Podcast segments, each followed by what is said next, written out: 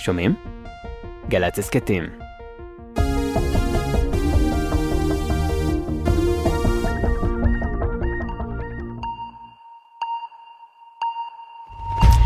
ביוון לפחות 79 הרוגים בהתהפכות ספינת מהגרים אתמול.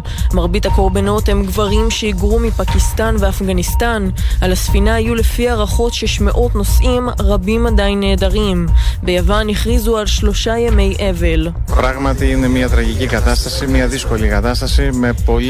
זה אירוע טרגי עם מספר גדול מאוד של הרוגים, שלדעתי לא התמודדנו איתו בעבר.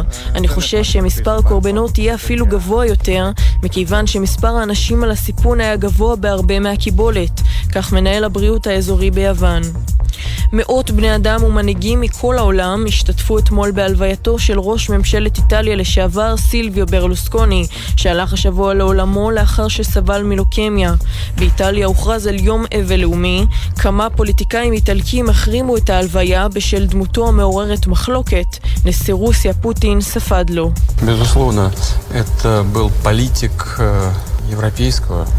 הוא היה פוליטיקאי במעמד בינלאומי, ספד פוטין והוסיף, סילביו ייזכר כתומך עקבי בחיזוק היחסים בין רוסיה לאיטליה, בשבילי הוא היה חבר אמיתי ותמיד הערצתי אותו.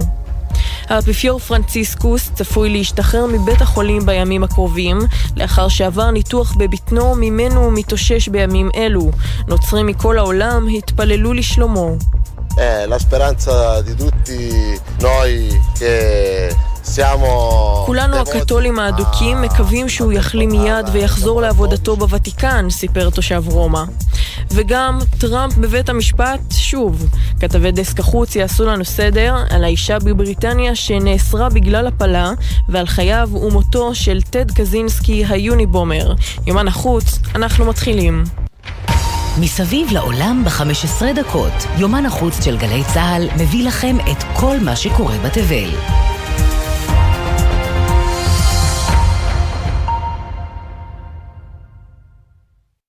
ארצות הברית כולה צפתה השבוע בנשיא לשעבר דונלד טראמפ מסגיר את עצמו שוב ונכנס לבית המשפט הפדרלי בהקראת כתבי האישום נגדו, אירוע היסטורי בפני עצמו.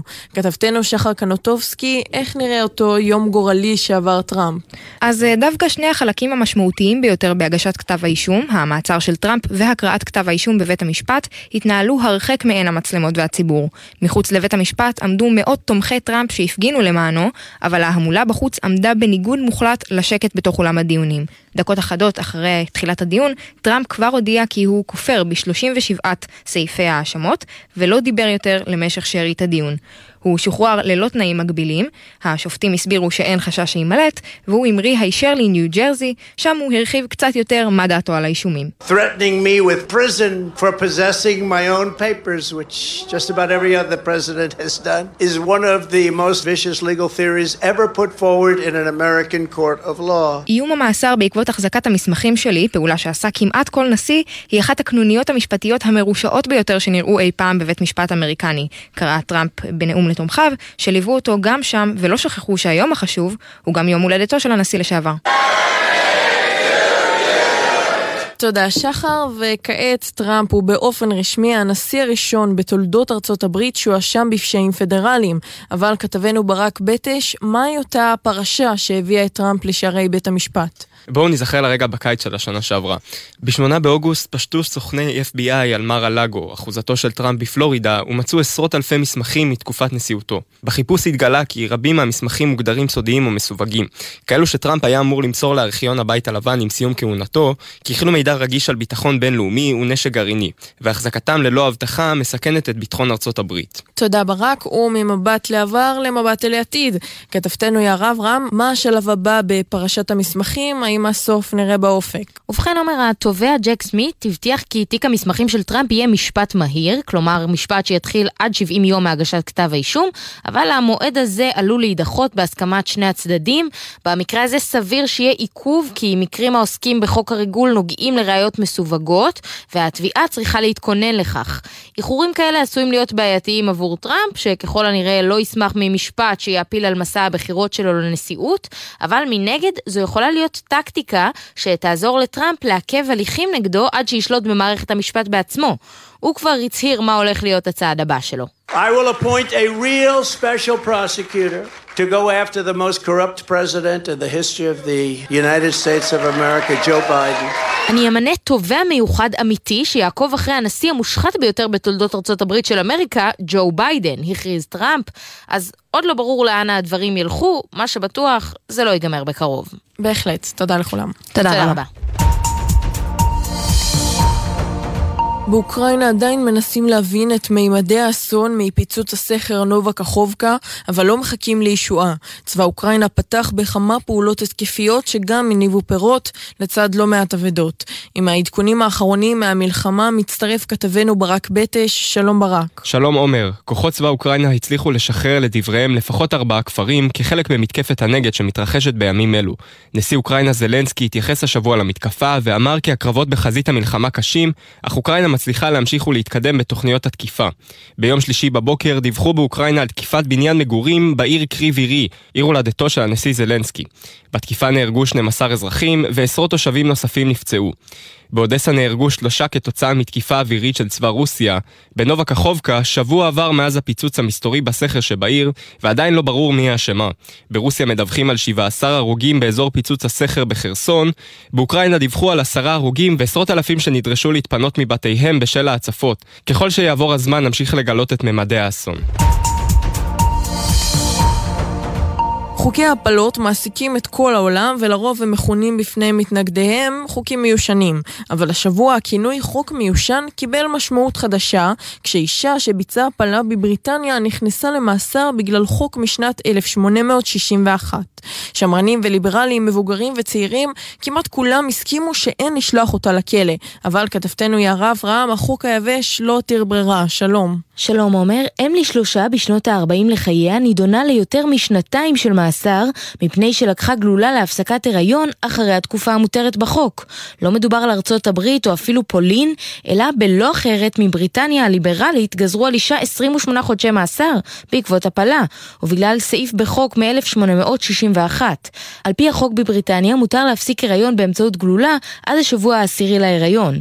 אותה אישה קיבלה גלולה להפסקת הריון במסגרת תוכנית כדורים בדואר שהופעלה בממלכה בתקופת מגפת הקורונה ואפשרה את קבלת הכדור בליווי והתייעצות מרחוק.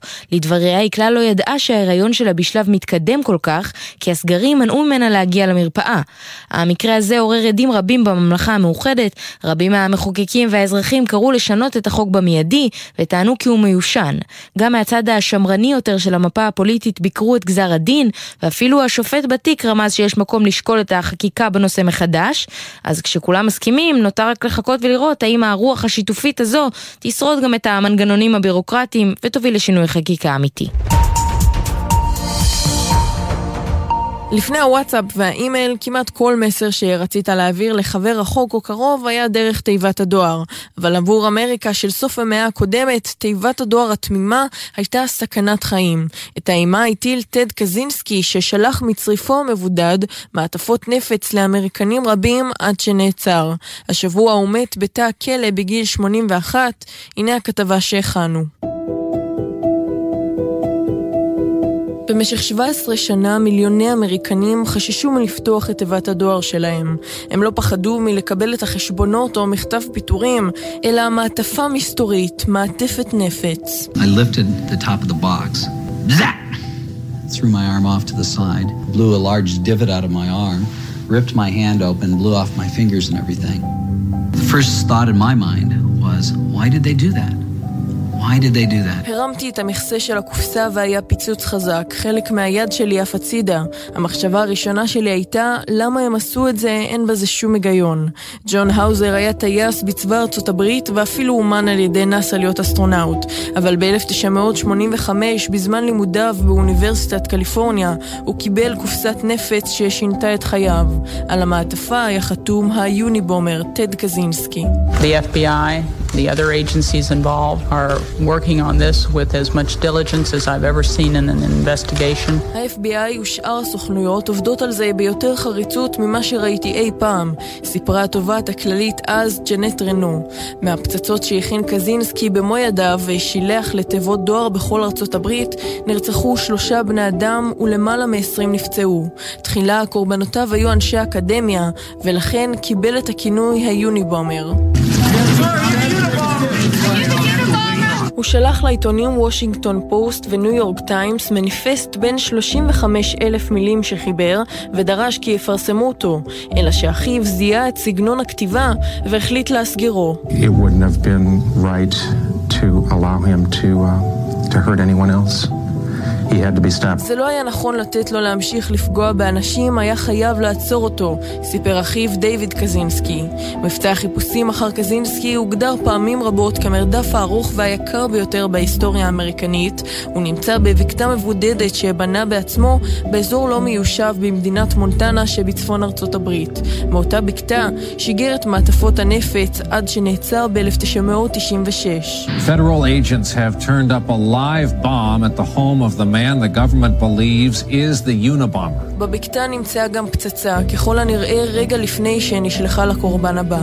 השבוע טד קזינסקי, היוניבומר, נמצא בגיל 81 מת בתא בית הסוהר בו נכלא, לאחר שככל הנראה שם קץ לחייו.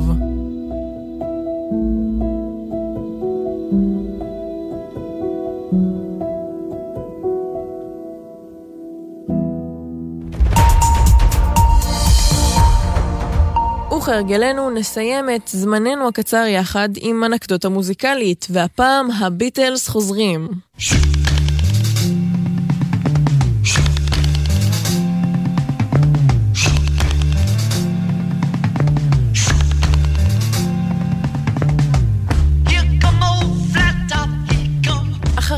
חמישה עשורים, בקרוב נזכה לקבל שיר חדש של הביטלס. חבר הלהקה, פול מקארטני, חשף השבוע שהוא משתמש בבינה מלאכותית כדי להשלים את קולו של ג'ון לנון בשיר האחרון של הביטלס לדבריו. מקארטני אמר ל-BBC שהוא מתכנן להוציא את השיר עוד השנה, אבל לא גילה מהו אותו שיר. אבל בכל זאת הצליח לרגש מיליוני מעריצים, שבזכות הטכנולוגיה יזכו לשמוע שוב את ג'ון לנון והביטלס, ועם השיר הזה שלהם, Come Together, אנחנו מסיימים להיום. נגיד תודה לחברי דסק החוץ שלנו, יער אברהם, שחר קנוטובסקי וברק בטש, לעורך הדיגיטל רן לוי, הטכנאי הוא זיו עיני, אני עומר עזרן, ואנחנו ניפגש באותו הזמן, אבל במקום אחר, בשבוע הבא.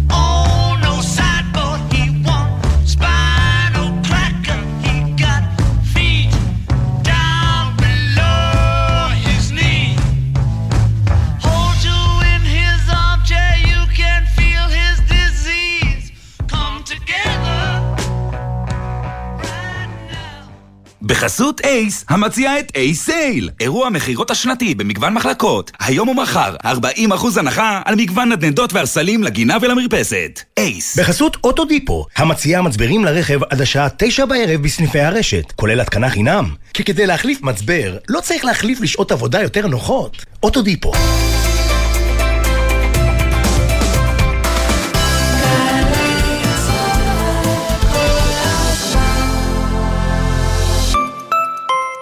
אתם שם ברחוב הכלנית 3 עם הבריכה הביתית.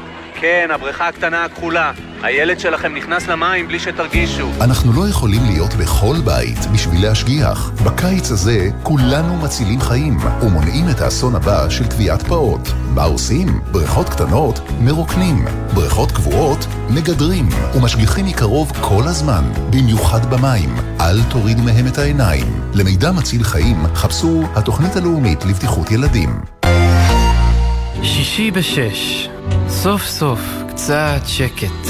אפשר לשמוע ציוץ של ציפור, רשרוש של עיתון, מכירות של שנץ.